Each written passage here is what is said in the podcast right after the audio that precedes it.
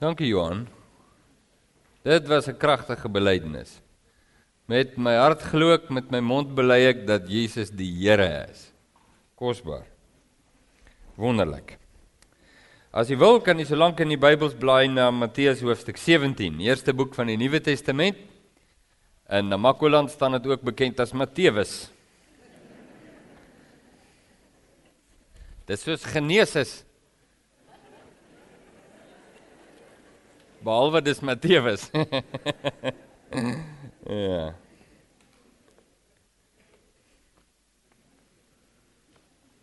Matteus hoofstuk 17. Nou wil ek net sê voordat ons aangaan, ek vir Johan sê en sy span, ek is mightily impressed met hulle met hulle boekie, met hulle spesiaal druk. En uh, ek dink die 6 weke in nee Johan. Nee, waar het ek jou? 6 weke kursus oor disippelskap, drie predikante wat gaan deelneem hier aan en al die huisgroepleiers en almal wat in die huisgroepe is en ek dink is fantasties.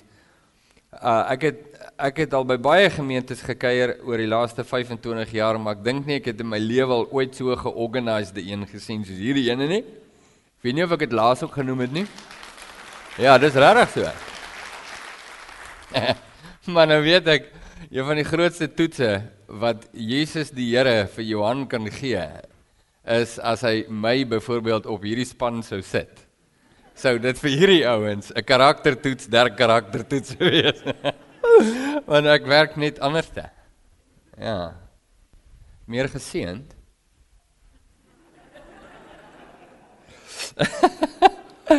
ja, ek haal my hoed vir julle af Johan, regtig. Ek het groot waardering en respek daarvoor.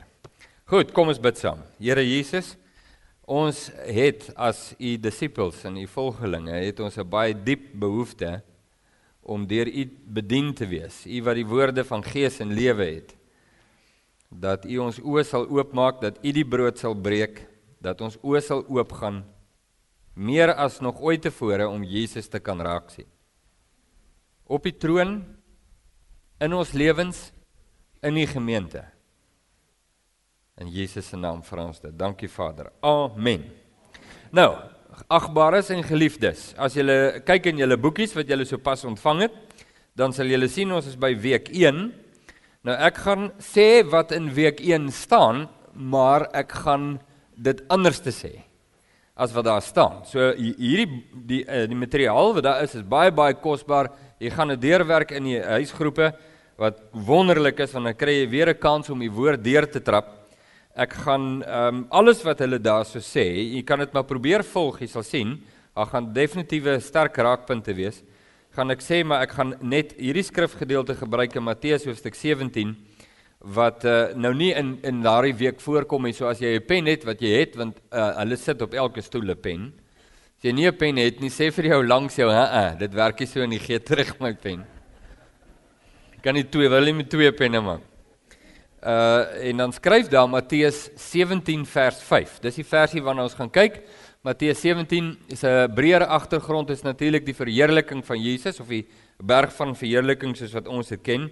En Petrus, uh Johannes en Jakobus wat saam met hom is en dan Petrus se reaksie op Jesus se verheerliking. Maar ons gaan net kyk na vers 5 wat 'n baie kosbare versie is. Maar voor ons daarby kom, wil ek ehm um, net vir sê daar's 'n paar opsommings in die Bybel wat uh, as jy dit weet, dan help dit vir jou uh, um net om notisie te neem daarvan. Opsommings van byvoorbeeld die evangelie. Een versie in die Bybel wat 'n baie goeie opsomming van die evangelie sou wees, sou ons kon sê uh, Johannes 3 vers 16, goeie opsomming, want so lief het God die wêreld gehad dat hy sy enige gebore seun gegee het sodat elkeen wat in hom glo nie verlore kan gaan nie. Een versie lieflike opsomming vir wat ons in die Nuwe Testament kry. Nog so 'n tipiese opsomming sou wees Johannes 20 vers 30 en 31 waar uh Johannes sê nog baie ander tekens het Jesus in die teenwoordigheid van sy disippels gedoen wat nie in hierdie boek opgeteken is nie, maar hierdie het ek opgeteken en dan sê hy sodat julle kan glo dat Jesus die Christus is en deur te glo lewe kan hê in sy naam. Nog 'n lieflike opsomming van die evangelie. Waarna ons nou gaan kyk is is 'n verdere opsomming, nog 'n opsomming van die lewe van 'n gelowige. Een vers in die Bybel wat myns insiens dit onsaglik effektief raakvat in een versie. Wat is die kern van die lewe van 'n gelowige? En en dit kom uit die woorde uit die mond van nie Johannes of enige van die apostels nie, maar van God self. Dis wat dit so kosbaar maak. Dit kom twee keer voor in die Nuwe Testament, een keer by die doop van Jesus en die tweede keer hier by die op die berg van verheerliking.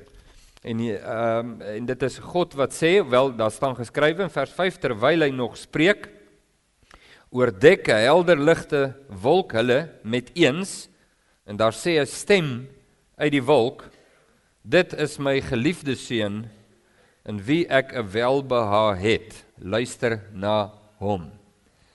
Twee baie belangrike dinge wat die hele lewe van 'n gelowige opsom. Die een het julle nou reeds bely. Julle het gesê met my hart glo ek en met my mond bely ek dat Jesus die Here is. Ons sien die Vader se absolute belydenis waar hy sê daar hier is hy. Hier is hy. Nie op enige ander plek nie nêrens anderste nie as hier. Hier staan hy. Dit is my geliefde seun in wie ek welba het. Dis 'n onsaglike verklaring wat God dan maak 'n verklaring wat Paulus baie jare later bietjie op uitbrei nou as u my so bietjie sal verdra ons gaan nog een skrifgedeelte lees ek wil net lees Paulus se uitbreiding van God se woorde in Matteus 17 vers 5. Nou Kolossense hoofstuk 1 is ons volgende skrifgedeelte, ook ons laaste ene vir hierdie sessie. Kolossense hoofstuk 1 vers 15. Uh nou voordat voordat ek lees wat wil ek net agtergrond gee van wat eintlik daar gebeur. Die die uh gelowiges in Kolosse het 'n bietjie van 'n predikament belewe. Dit is 'n baie handige woord om te ken. Predikament. Skryf neer. Jy kan dit gebruik in 'n volgende gesprek. Jy kan dit selfs gebruik as 'n naam vir 'n siekte. As jou vrou sê jy moet skool goed was en sê ek kan mos nie, ek het 'n predikament. Uh die gelowiges in Kolosse het hierdie predikament belewe, hierdie probleem. Hulle het 'n krisis gehad in hulle midde en die krisis was tweeledig. Nou moet nou moet jy hoor want dit is nou 'n bietjie agtergrond. Nou nou ons praat oor disippelskap. Ons gaan nou baie direk by dit uitkom, maar die krisis wat die gelowiges in Kolosse het, nie 'n baie belangrike stad nie. Hy was baie jare gelede in die geskiedenis, maar ten tye van die skrywe van hierdie brief was Kolosse regtig nie belangrik nie.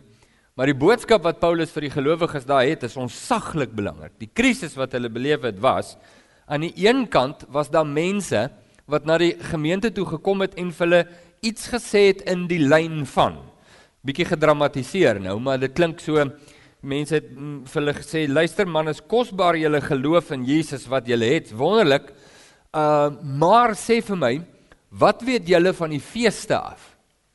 En onthou nou hierdie is Hierdie is in Klein-Asië. Wat weet hulle? Hulle is hulle is Grieke, hulle is uh, tradisionele heidene. Hulle weet niks van Joodse feeste af nie. Sê hulle sê hulle nee, watse feeste bedoel julle nou? Sê hulle nee, maar die feeste. Sê nee, kom agter hulle weet nie hulle weet eintlik niks nie. So. Wat weet julle van die besnydenis af? Nee, hulle weet ook nie veel nie. Wat weet julle van die Sabbat? Nee, hulle weet niks van die Sabbat nie. Hulle het nooit dit geleer nie. Sê die mense, Man is kosbaar julle geloof wat julle nou het in Jesus, maar ons gaan aanvul wat ontbreek in julle geloof. Ons gaan julle vertel van die Sabbat en die feeste en die besnydenis en al hierdie dinge. En in hierdie brief, in brief van Kolosse, kom Paulus baie sterk na vore om vir hulle te sê daar is geen sin so iets nie. Jy kry nie Jesus plus iets nie. Jesus is die geliefde seun van God en wie hy welbehaag het. Hy is absoluut alles van God. Al wat jy hoef te weet is Jesus. Jy moet hom ken. Hy is die vervulling van God. Jy gaan nou sien hoe hy dit sê in Bybelse woorde. Nou daar was ongelukkig nog 'n krisis in dieselfde gemeente. Daar was 'n ander groep mense wat na hulle toe gekom het en vir hulle gesê het: "Luister ons waardeer julle geloof in Jesus. Dit is kosbaar en is wonderlik, maar maar ons wil net julle julle wêreldvisie 'n bietjie verbreek. Uh julle julle bely dat Jesus die weg na God is. Ja, dis absoluut so. Maar maar ehm um, hy's 'n weg. daar is ander weë ook na God. En hierdie mense het met baie sterk beide hierdie groepe in hierdie gemeente het met baie sterk argumente na die gelowiges gekom, so sterk dat dit hulle totaal verwar het. En die nuus het Paulus bereik. En daarom die skrywe van die brief Kolossense. As jy nou wonder hoekom het hy dit geskryf, dit was die rede. Sy boodskap aan die tweede groep was uit die aard van die saak presies dieselfde as vir die eerste. Behalwe jy uh, Paulus skryf en sê luister, julle verstaan nie as ek sê Jesus, as God sê Jesus is alles, dan is hy absoluut alles per God se definisie. Alles beteken alles. En Jesus is wie hy gesê het hy is en hy kan doen wat hy gesê het hy kan doen en dan sê Paulus moenie asseblief moenie toelaat dat enige iemand julle beroof van julle prys nie. Prys is wat? Jesus. Moenie toelaat dat enige iemand inkom en iets inwurm hier van die kant af. Dit klink gaaf en jy luister na hulle en hulle argumente klink oordonderend, klink wonderlik. Uh en jy jy voel jy, jy het niks om te sê hier teen nie en en daar begin jy dit toelaat en voor jy jou kan kry, begin jy jou blik van Jesus afhaal as die geliefde seun van God in wie hy welbehaag het, die alfa en die omega van God. Daar's niks buite Jesus nie. Hoor nou hoe sê Paulus dit? In sy woorde wat ek nou net hier verduidelik het. Ek lees vir julle vanaf vers 15. Paulus sê: Hy is die beeld van die onsigbare God, die eersgeborene van die hele skepping. Die beeld van die onsigbare God, skus tog, ek wil net verwys daarna. Johannes sê niemand het nog ooit God gesien nie, niemand. Maar hy wat in die boesem van die Vader is, dit hom verklaar. Ekainos exegesato skryf hy in Grieks. Exegesato is die woord waar ons uh, eksegese vandaan kry. Jesus is die eksegeet van God. Niemand kan God verstaan nie, maak nie saak wie hulle nie. Maak nie saak uit watter etniese groep vandaan kom hulle of watter godsdienstige oortuiging hulle is nie. Jy kan God nie verstaan nie, dis onmoontlik. Die enigste manier hoe jy insig in God kan kry, broers en susters, die enigste manier. Kan ek dit duideliker sê as dit? Is deur die eksegeet van God en daar is net een. Dit was nie Moses nie. Dit was nie die pastoor nie, nie die dominee nie, nie die sinode nie, niks nie. Daar's net een eksegeet van God, naamlik Christus Jesus. Hy is die geliefde seun van God en wie hy welbehaag het. Hy is die verklaarder van God. So nou skryf Paulus dit sê hy's die beeld van die onsigbare God. Niemand het nog ooit God gesien nie. Maar hy wat in die boesem is, verklaar hom. As jy iets wil weet van die Vader, as jy iets wil weet van God, van sy persoon, sy karakter, sy bediening, het jy nodig om Jesus te leer ken. Dit help jy is net godsdienstig, dit sal jou nooit help nie. Nee. So, ons gaan verder. Hy sê, want in hom, hoor nou hier, hy praat nou van die seun. Hoor hoe prominent is die seun. Hierdie is eintlik verstommende leesstof. Want in hom is alle dinge geskape wat in die hemel en op die aarde is, wat sienlik en onsienlik is, trone sowel as heerskappye en owerhede en magte, alle dinge is deur hom en tot hom geskape.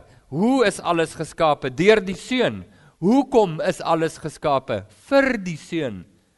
Jesus is nie net die oorsaak van die skepping nie, hy's die rede vir die skepping. Dis baie belangrik dat jy dit verstaan. As as die Vader in Matteus 17 sê, daar is my geliefde seun, in wie ek wel baie daar sit 'n gewig agter daai stelling wat 'n mens nie snap nie, as jy Jesus nie ken nie. Maar nou verduidelik Paulus Jesus vir die gelowiges om vir hulle te wys hoe hier kom nou nog 'n lieflike woord soos predikament. En hoe futiel, hoe's daai? Tweede een, hè? hoe vrugteloos absoluut vrugteloos is dit om te dink dat jy kan die evangelie van Christus aanvul met enige iets. Hoe geestelik dit ook al mag klink. Jy kan nie die evangelie van Jesus aanvul nie, want jy kan Jesus nie aanvul nie. Hoekom nie? Want hy is alles. Hy is die absolute vervulling van wie God is. Gaan Paulus aan. Hy sê want hy moet hierdie punt baie sterk maak vir die gelowiges. Hy sê hy is voor alle dinge en in hom hou alle dinge stand in hom hou alle dinge stand. Nee, ehm um, ek is nou lus om vra vir die gemeente, noem my 'n ander versie wat dieselfde sê, maar ek is bang hy kom nie by hom uit nie, so ek gaan dit nou maar sê. Handelinge. Handelinge in hom uh leef ons, beweeg ons en voer ons 'n bestaan. Nee, wat sê die Engels daar? Uh in him we live, we move and we have our being. In him we live and move. Ken julle daai liedjie? Ken julle die liedjie?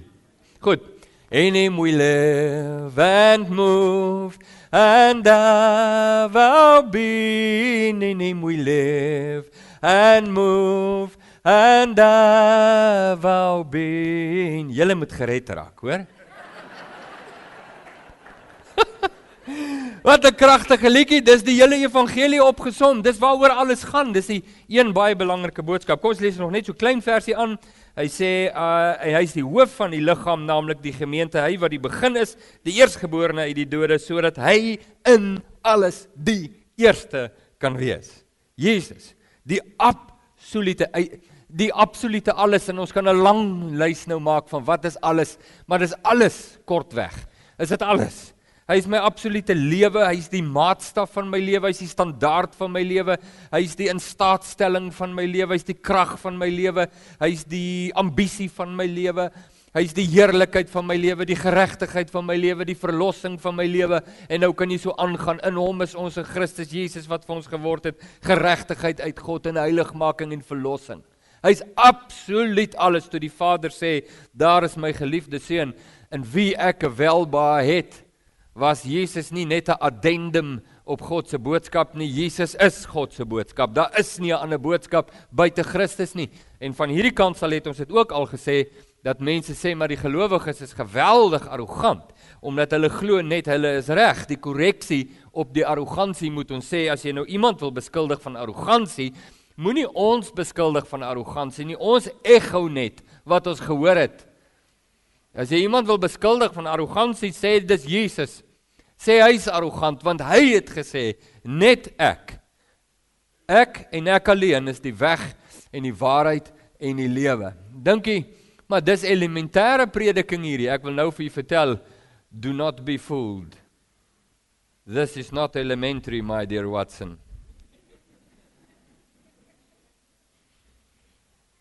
Dis gevorderd. Gaan nou vir wys. Die tweede belangrike boodskap deel van die definisie wat God gee in Matteus 17 is die woorde nadat hy gesê het daar is my geliefde seun in wie ek welba het sê God. Luister nou. Beste definisie van disippelskap in daai in daai een versie wat ek in my lewe nog gehoor het. Luister nou En dan iets wat u gaan sien in die boekie wat baie sterk daarna gaan uitkom is wanneer ek na die seun luister lewe kom. Ek wil gou vir jou 'n voorbeeld gee. Christendom word totaal en al gedefinieer deur God se bevel in Matteus 17 vers 5. Christendom word nie gedefinieer deur kerke, dienste, ampte, paraphernalia en tekens nie.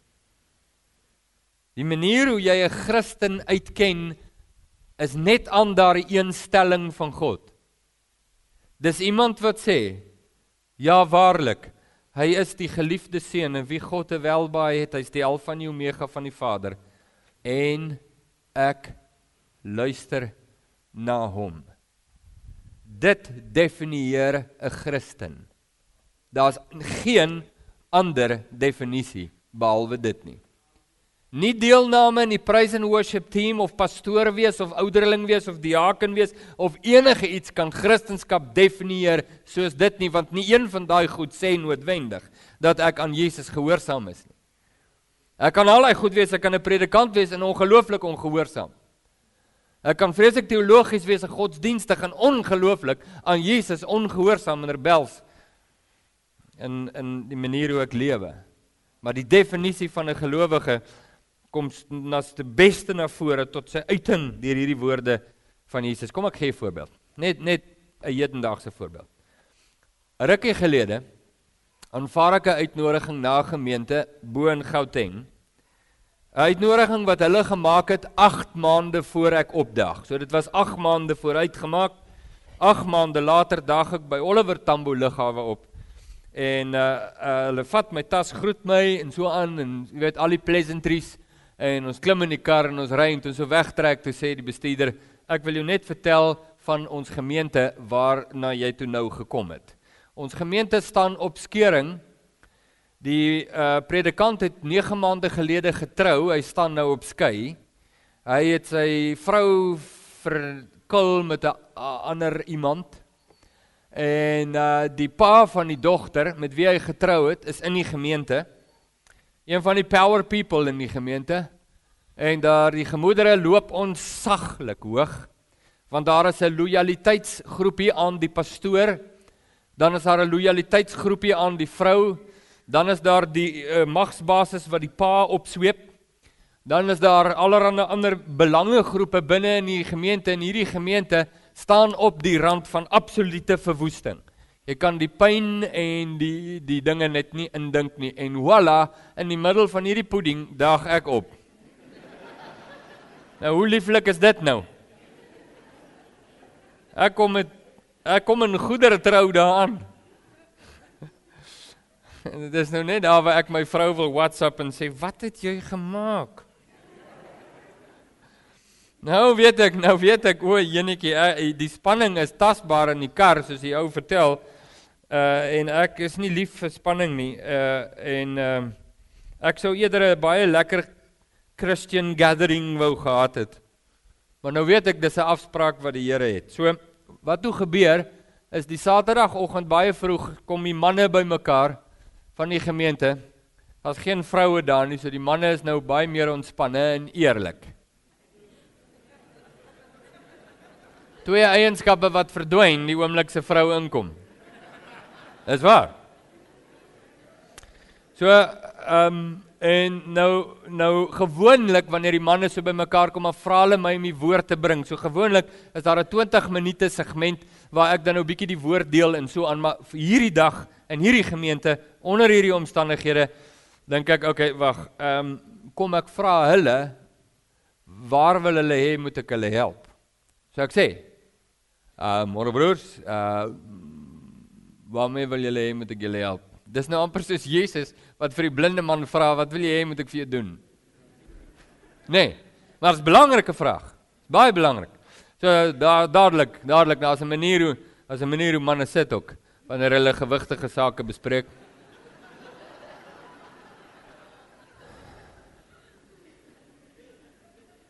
Die oë is baie belangrik dat jy so kan maak.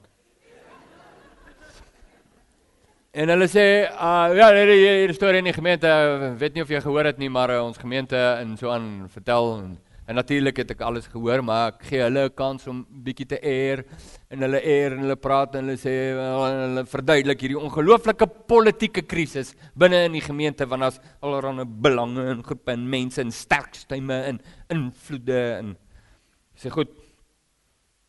Goed, dankie, dankie. Wil julle hê ek moet reageer? Vra ek nogal so mooi ware gentlemen. Hulle sê ja, hulle sal dit waardeer en dit is nogal belangrik nê. Nee.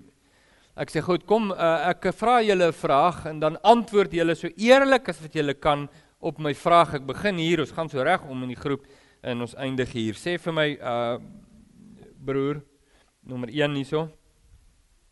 Kan jy vir my sê dat in dit wat jy sê die manier hoe jy reageer.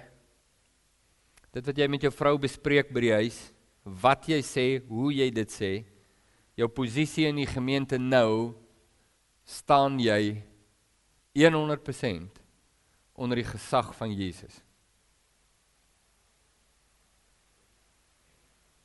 Dit was wat ons toe kry, so 'n gewyde stilte soos nou. Maar wat 'n lieflike vraag, dink bietjie daaraan. So ons begin al die oë op broer nommer 1.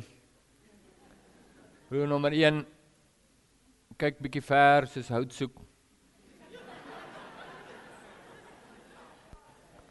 En dan sê hy uh Nee. Sê okay, dankie. Broer nommer 2. Nee. Broer nommer 3. Nee. Broer nommer 4. Sê voor jy antwoord. Onthou net ek wil nie hoor iets van 'n ander broer nie. Ek dis 'n assessering van jou eie hart. Wil maar net sê. Broer nommer 4. Nee. 5. Nee. 6. Nee. 7. Nee. 8. Nee. 9, 10, 11, 12, hoeveel daar ook al was. Almal sê nee. Weet jy dat dit een van die helderste, wonderlikste belydenisse is wat in die kerk kan plaasvind?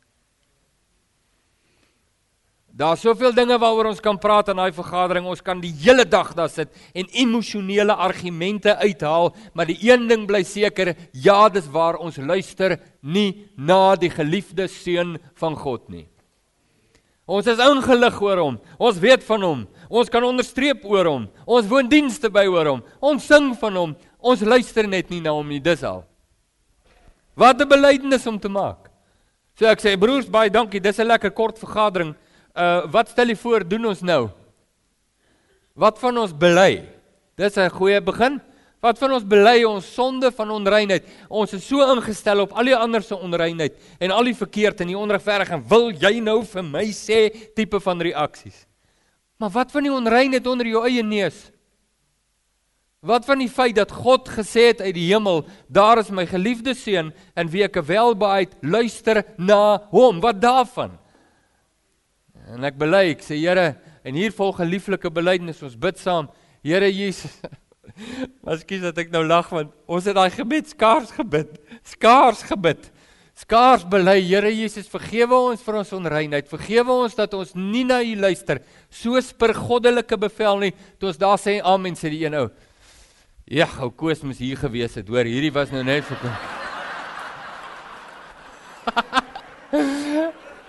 Kan jy glo? Ja. Ja. Ja. Die mense wat mos hier moet wees is nooit hier nie.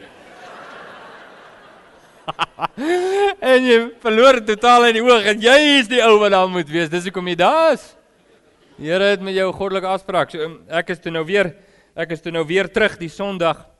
Uh en uh, ek vra vir hulle asseblief die groot skeuringsvergadering uh is die maandag aand waar al die belangegroepe nou bymekaar sal wees, maar as die vergadering klaar is, wil julle my nie asseblief bel en net vir my sê hoe dit gaan. Maak nie saak hoe laat nie, bel my wakker is fyn, maar ek sal net wil hoor want ek verwag want ek besef nou, luister, hierdie ouens het gekom by die belangrike punt van Matteus 17 vers 5 waaroor disippelskap absoluut gaan is die feit dat ek aan Jesus gehoorsaam moet wees. En uh ons laat maandag gaan kryke oproep. Sê die ou vir my, sê dis 'n wonderwerk. Hy sê dis 'n wonderwerk. Hy sê die skering is afgeweer. Hy sê jy sal nie glo die gees wat daar geheers het onder hierdie mense. Beswaardes van 2 dae gelede. Diep uh, verontregdes van 2 dae gelede. Sit nou in die gees van reinheid bymekaar. Hoe het hulle dit reg gekry? Ek sal julle sê hoe hulle het gaan kniel voor die geliefde van God. Dis waaroor disippelskap gaan. Disippelskap gaan oor God se geliefde en u en ek wat kniel voor hom en doen wat hy sê. Weet jy wat is vir my sleg as ek net daai voorbeeld kan afrond? Wat vir my sleg is is dat mense dink dat waarheid in die kerk is los van die persoon, karakter en bediening van Jesus. Waar jy dink jy kan waarheid voorlê en mense pommel met die waarheid, maar jy hoef dit nie te doen in die karakter van Jesus nie, want die waarheid is die waarheid. Is nie waar nie. My liefste broer is nie waar nie, my liefste suster is nie waar nie. Luister na die seun Doen wat die seun sê, soos die seun dit sê. Ons hele lewe van jou wedergeboorte tot en met die wederkoms is een ding vir ons absoluut krities belangrik. Wat sê die seun? Dis wat ons mekaar vra. Ons vra vir mekaar dit af. Wat sê die seun hieroor? Hoe voel die seun hieroor? Hoe tree die seun hierop? Hoekom is dit vir ons belangrik? Want dis die geliefde. Dis die geliefde van God. En wie jy 'n welbehae het, wil jy in die welbehae van God wandel? Wil jy die geliefde van God wees? Daar's net een manier, bly in die seun. Daar's nie 'n ander manier nie. So alles wat ek nou doen, my hele lewe wat ek nou doen, meet ek aan die persoon, karakter en bediening van die seun. Die manier hoe ek my vrou hanteer. Uh, uh, voorheen het ek dit gedoen soos ek gereken het is reg, want ek is altyd reg. Maar nie meer nie. Ek staan onder ander gesag. Nou is dit vir my belangrik om te hoor wat die seun sê oor hoe ek my vrou moet hanteer. My kinders, hoe hanteer ek hulle? Ek weet myle beter as hulle. Dit beteken niks nie. As jou kinders klein is, die feit dat jy myle beter weet as hulle beteken niks. Wat sê die seun oor hulle harte, hulle lewens, jou benadering, jou grense, wat jy moet hulle doen? Dis jou maatstaf, dis 'n disipel. Daar is nie 'n ander definisie van disipel nie. Wat van jou raserige bure? Wat van jou onregverdige werkgewer? Weet jy wat dat Petrus skrywe? Petrus sê moenie julle moet onderdanig wees aan elke menslike verordening, nie net aan die wat goed en vriendelik is nie, maar ook aan die wat onregverdig is. Wow, die seun die die openbaring van wie die seun is, hoe die seun werk, sy styl, sy karakter, dis hoekom ons selgroep het. Ons kom nie selgroepe bymekaar om te hoor wie's die geestelike nie. Dis nie 'n spierwys sessie nie. Daar's een ding wat ons wil weet tydens ons selgroepe en dit is die seun, wie is hy? Hoe is hy? Waar is hy? Hoe werk hy? Wat sê hy? En ons lewe te align met die seun. Dis al wat ons wil doen. Jy sal later in hierdie 6 weke sal jy sien ons gaan praat van mentorskap. Een van die belangrike dinge van van disippelskap is mentorskap. Ek gaan net nou nog een sin daaroor sê want daar kom 'n volledige preek. Ek wil nie die hele preek nou uitklap nie. Wat 'n teleurstelling. Ehm um, ons wil die die belangrike ding is daar's mense wat saam met my stap en ek het een ding wat ek vir hulle vra. Uh, ek sê ek erken voor julle en almal erken ek hoor die ouens Daar's net een wat volledige insig het en is nie ek nie. Dis Jesus. So daar's 'n klomp goed in my lewe wat ek oor die hoof sien wat ek nie raak sien nie. En ek sien ten dele, maar jy ook, maar jou ten dele en my ten dele maak 'n bietjie groter deel. So ek het nodig om te sien wat jy sien want ek wil ek wil my align, skus ek dink nou aan die Afrikaanse woord skielik ontbreek dit my. Maar ek wil my ek wil my align met die seun want dis die geliefde van God. Dis waar my heerlikheid vandaan kom. Want alles is deur hom geskape, alles is tot hom geskape. Hy is die alfa en die omega van God. Daar is nie vir my verdere heerlikheid buite die seun nie. Dis waaroor disippelskap gaan. Dit is disippelskap. Laastens. Daar is nie 'n brand van kristendom buite disippelskap nie. Kan ek vir julle dit weer sê? Daar is nie 'n brand 'n weergawe, 'n flavour of the month. Daar's nie 'n brand van disippelskap buite uh, of brand van kristendom buite disippelskap nie. Kristendom eenvoudig verduidelik as jy vir tieners verduidelik, snap hulle dadelik. 'n Christen is iemand wat Jesus naloop. Want Jesus is die geliefde en hy weet dat God praat die waarheid en vir hom is Jesus die geliefde en alles wat Jesus sê, dit doen hy. Daar is 'n verskil tussen Christelik wees en 'n Christen wees. 87% van Suid-Afrika is Christelik. Nie Christene nie. 'n Christen is 'n disipel.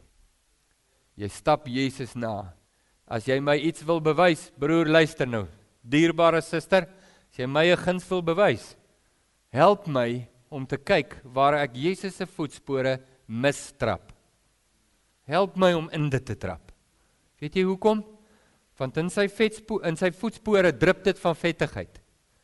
In die voetspore van Jesus drup dit van vettigheid. Weet jy wat is pateties? Kan ek vir julle sê, is as jy nie in die voetspore van Jesus trap nie, maar jy bid dat hy jou moet seën. Dis pateties. Wil nie trap waar hy trap nie. Ek trap neffens hom. Maar hy moet my seën. Here seën my, seën my werk, seën my kinders, seën my gesin. Asseblief, asseblief, asseblief, asseblief. Groet asseblief. Weet jy dat die Vader sê trap net in die voetspore van my geliefde en die seun sal jou inhaal van agter en van voor. Want hy is die seun van God. Die seun en die seun. Dis die belangrikste ding om te weet. Dis so kosbaar. Hy is so kosbaar. Daar's 'n ou liedjie wat gaan ah, uh, skus nou binne net sy woorde dink. Die ou liedjie sê Lord you are more precious than silver. Lord you are more costly than gold. Lord, you are more beautiful than diamonds, and nothing I desire compares with you. Jo, dit is Matteus 17 vers 5, die geliefde seun. My pa wat nou 85 is en op sterwe lê by die huis, my vrou kyk na hom, het altyd gesing hierdie liedjie, baie eenvoudig, net een lyntjie. Die liedjie gaan so: Thank you, God, for sending Jesus. Thank you, Jesus, that you came. And Holy Spirit, won't you tell me more about that lovely name? Sit nie mooi nie. Dis disipelskap. Kom ons bid saam. Thank you, God, for sending Jesus. Thank you, Jesus, that you came. And now, Holy Spirit, please, won't you tell me more about that wonderful, lovely name? Ons het 'n behoefte aan U, Here Jesus. Jy sit dalk mense vandag in hierdie diens wat absoluut tot by hulle ore toe keelvol is vir godsdiens en dankie tog wil ek byvoeg. Ten einde laaste is hulle daar. Maar daar's 'n diep versmagting in ons harte, Here, na die geliefde van God. Die Alfa en die Omega. Om deur U besit te wees, deur U gelei te wees in al die verskillende dramatiese gebeure elke dag in ons lewens. Om deur U dikteer te word om deur u bedien te word met die inhoud van die Vader. As niks groter as dit nie. Kan nie anders as om te vra Here Jesus dat U ons sal vergewe dat ons die heerlikheid van God afgewater het tot bloot godsdiens nie. Herstel dit in ons midde, Here. Help ons om die oë gefestig te hou op Jesus, die leidsman en volleinder van ons geloof. Terwyl ons elke las af lê en elke sonde wat ons so maklik omring en hierdie wedloop hardloop met volharding terwyl daar 'n groot wolk van getuies rondom ons is om ons aan te moedig tot hierdie een doel die geliefde seun van God in wie hy welbaar het. Ons het so nodig dat u ons bedien Here met u waarheid en met u persoon en met u karakter met u self Dankie vir die begin van hierdie baie kosbare reeks. Bid vir my ander twee broers wat ook gaan inkom en bedien soos hierdie weke ontvou dat U hulle lippe sal salf en ook aan hulle deur U Gees 'n openbaring van die Seun sal gee. En sy rol in bediening in ons midde. Dat hy ons veilig en dat hy ons op die bors van die Vader. Ons aanbid U daarvoor. Dankie Here. In Jesus se naam. Amen.